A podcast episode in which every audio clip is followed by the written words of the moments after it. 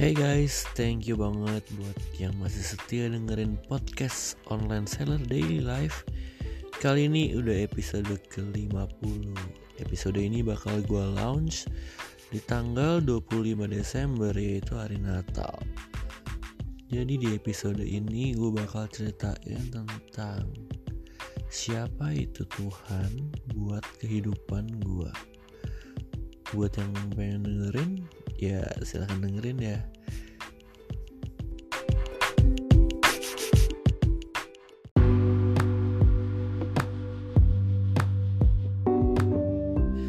Nah ceritanya podcast ini gue bikin setelah sekitar udah setengah tahun mau setahun lah ya. Gue udah gak ke gereja lagi gara-gara pandemi Terus gue juga bingung gimana cara gue bisa menikmati ibadah online sementara kalau datang ke gereja aja pas denger khotbah itu gue ngantuk banget.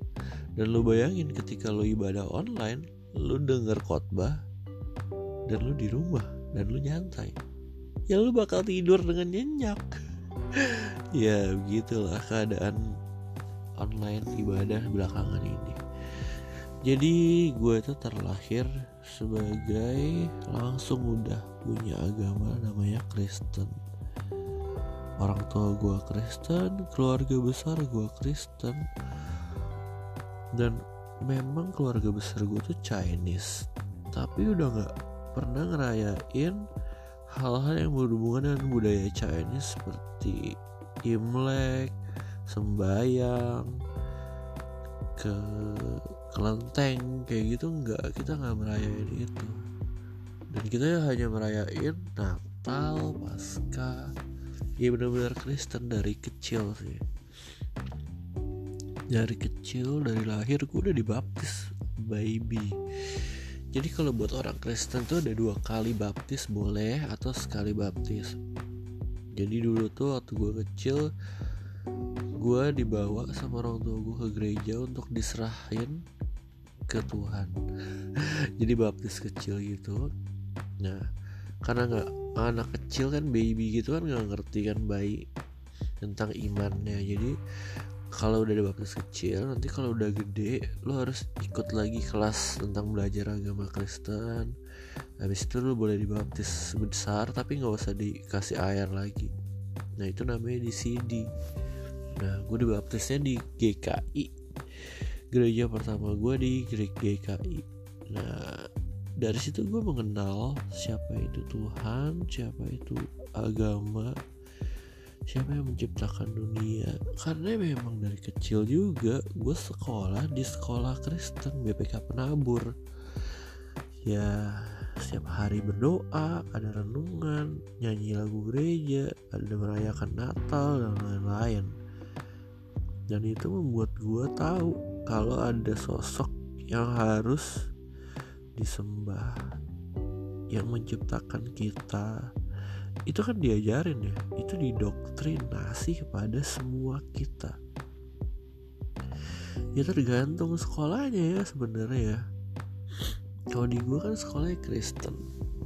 Nah yang gue dapetin dari sejak kecil dan sejak gue pelayanan juga di GKI GKI itu strict banget sama aturan-aturan gereja sama doktrin-doktrin gereja sama tata cara.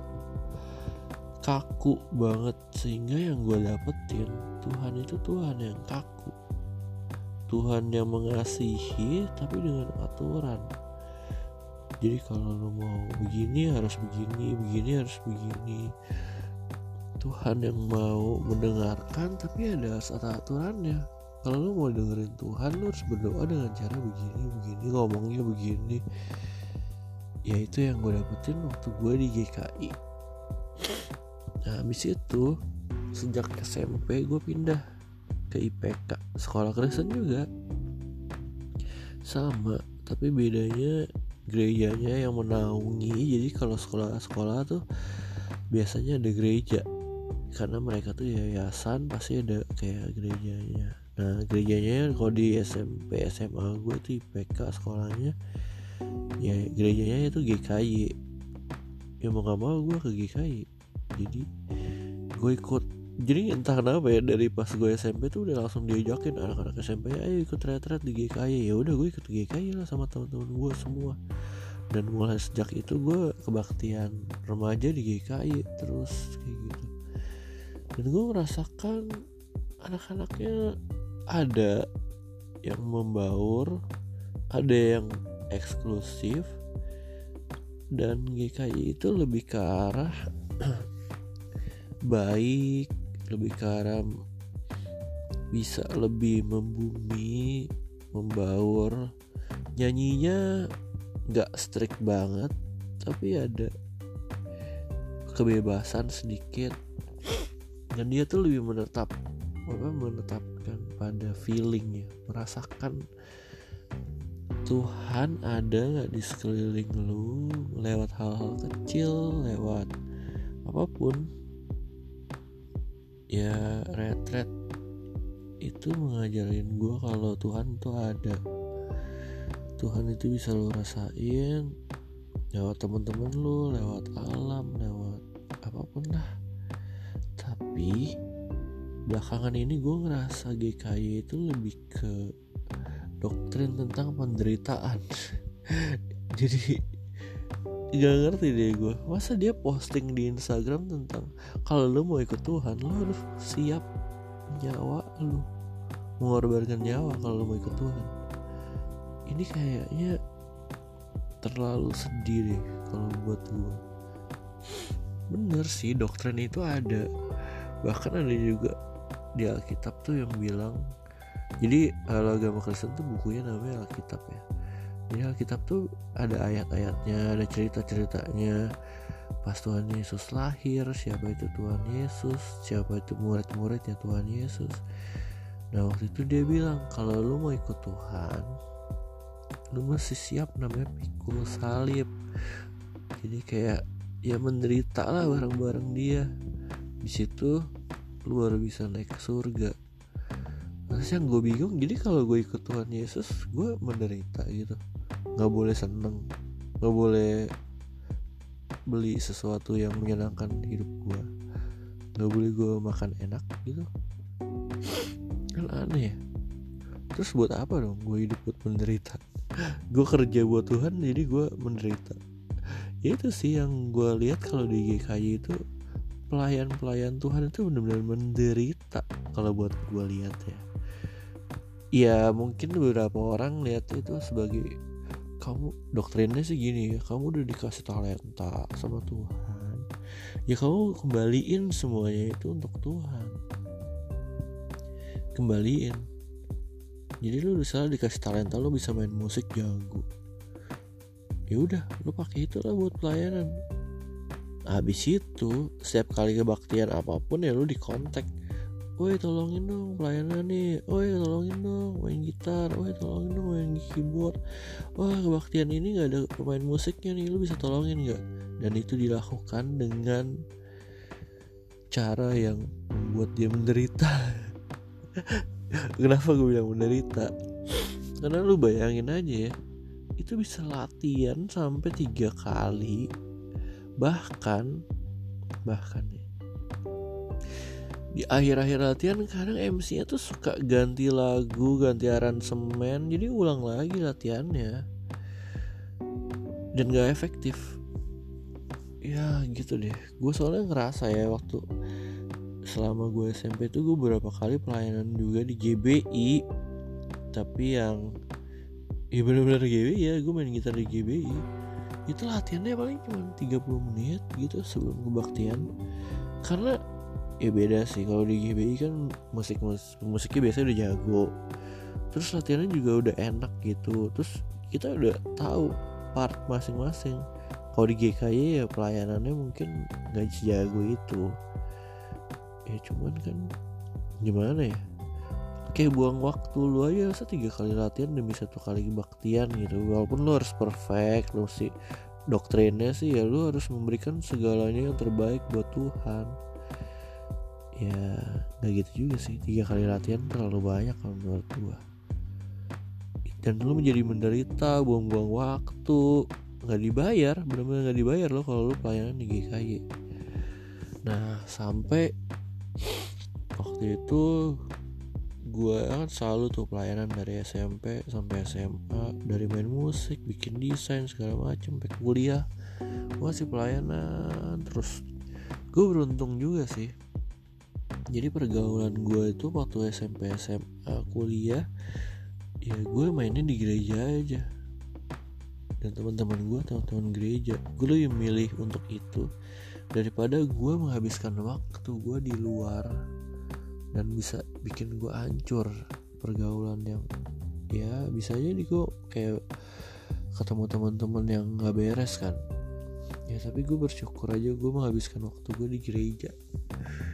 Walaupun gue ngerasa diperdaya tapi akhirnya ya abis gue lulus kuliah nih gue langsung kerja di gereja gue kerja di GKY dan gue dibayar layak gajinya layak di Iya bener-bener itu tim desain pertama yang di hire secara profesional oleh gereja untuk menangani sebuah keperluan gereja, bikin video, bikin brosur, poster segala macem.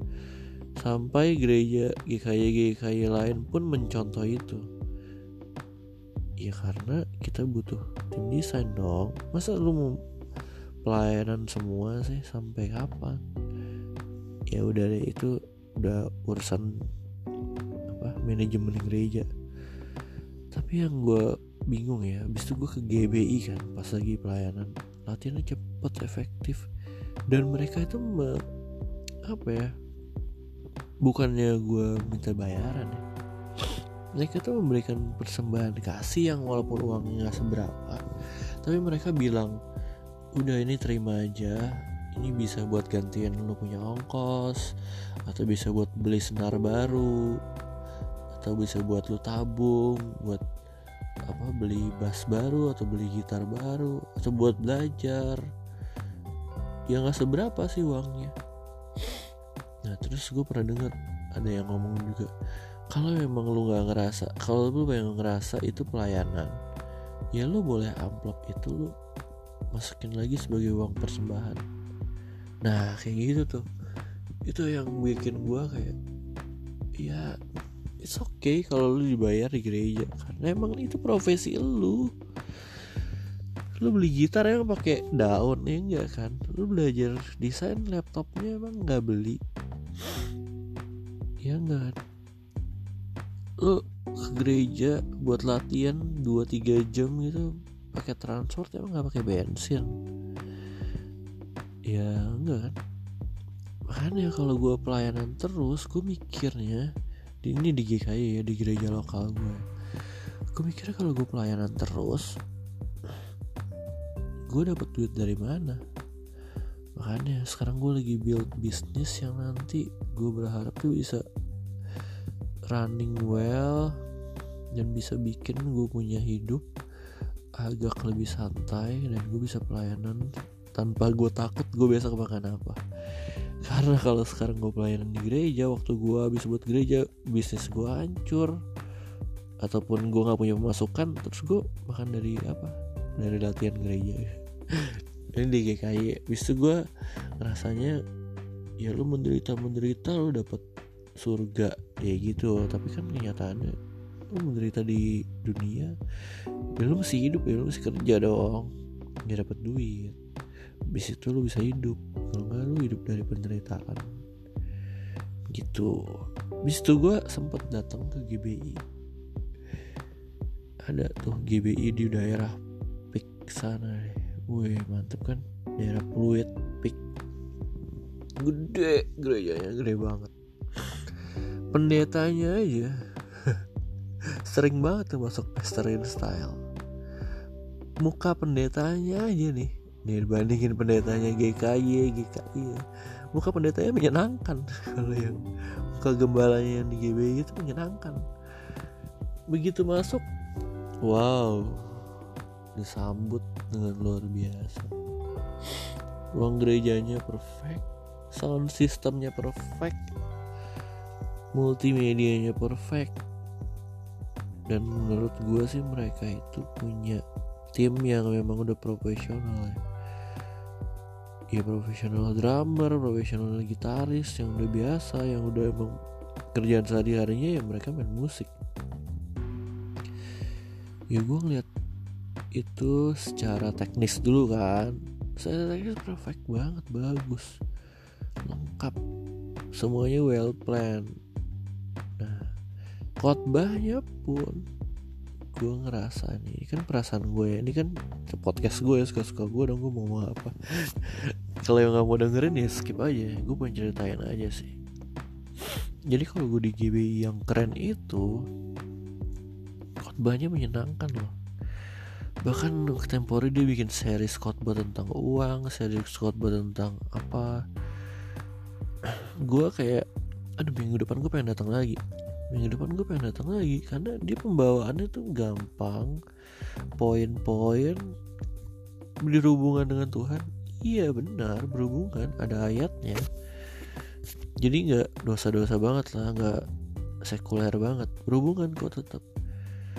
Dan dia itu tetap apa ya kayak praktikal gitu loh. Gampang banget lu aplikasikan dalam kehidupan nyata contohnya ya gue udah lupa sih tapi lu bisa dengerin aja sendiri. Jadi kalau lu mau hidup begini ya lu harus begini. Ya lu jangan begini. We ya gampang aja deh. Dan itu uh, gereja GBI itu mengutamakan kebahagiaan. Kayak kebahagiaan happiness terus sukacita memberi harus dengan sukacita. Kalau lo nggak sukacita ya duka cita kayak gitu-gitu. Ya gerejanya itu tuh benar-benar kayak prosperity church gitu loh. Ya nggak salah sih kalau menurut gua secara pribadi. Lu berdoa minta Tuhan memberikan berkat buat lu. Boleh kan kayak lu saya gue mau berdoa nih Tuhan gue bisa nonton startup. Gue mau beli mobil Mercy warna hitam tahun segini. Eh by the way itu diajarin di buku namanya The Secret. Kalau lu mau punya pikiran tentang sesuatu ya lu doain dengan detail. Tapi bedanya karena lu Kristen lu ngomongnya ke siapa? Ke Tuhan. Gue gak ngerti deh apa yang ada di pikiran tapi sama gereja itu ya lu sebutin. Contoh nih gereja tempori pendetanya bilang dia pengen apa pengen punya drone. Dia berdoa. Eh tau dikasih drone. Iya nggak lucu sih tapi ya menurut dia itu berkat dari Tuhan. Menurut dia. Menurut gue bisa juga makanya kemarin itu kan gue sering menang giveaway gue nanya ke polling Instagram followers gue nih. Menurut lo luck keberuntungan itu adalah berkat Tuhan atau bukan? Dan kesimpulannya semuanya pada bilang kalau luck itu ya berkat Tuhan. Tuhan yang memberikan lu berkat dalam bentuk keberuntungan gitu jadi nggak ada salahnya sih kalau ikut ajaran GBI dengan lu berdoa lu minta Tuhan memberikan berkat dan lu bisa merasakan kalau Tuhan itu baik buat lu. Tuhan bisa kasih nafas Tuhan bisa kasih teman-teman Tuhan bisa kasih bisnis jalan apa segala macam ya itu Tuhan yang baik yang ada di hidup lu selama ini. Beda ya sama yang tadi GKI itu Tuhan bakal kasih lu penderitaan di depan. Nah mikirnya udah kayak gitu tuh. Tuhan bakal kasih lu pencobaan-pencobaan lo nanti di kehidupan lo loh jadinya hidup lu bakal banyak pencobaan gitu. Ya yeah, nggak salah juga ya. Karena emang bener hidup tuh nggak cuma sekedar happy happy doang. Nah terus belakangan ini gue ke gereja juga namanya City Light Church CLC sekarang jadi apa ya? City Light Jakarta. Apa-apa gitu gue lupa.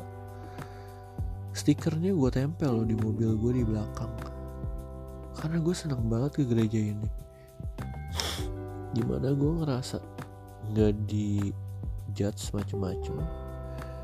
Gereja ini juga open buat semua orang yang Kristen dan bukan Kristen. Dan khotbahnya itu nggak ceritain tentang agama dia hanya ceritain tentang Tuhan Yesus. Jadi kalau lu mau jadi Kristen menurut dia menurut gereja ini ya lu cuma jadi murid Yesus. Lu ikutin aja apa yang Tuhan Yesus lakukan. Apa yang Tuhan Yesus ajarkan ya lu ikutin aja. Ya walaupun belakangan ini dia suka bawa-bawa Alkitab apa ya tokoh-tokoh lain yang dalam Alkitab ya. Tapi tetap sih ujung-ujungnya what would Jesus do? Tuhan Yesus tuh siapa? Dia ngapain aja? Kalau lu lagi begini Tuhan Yesusnya mau ngapain sih? Ya lu ikutin aja. Gitu.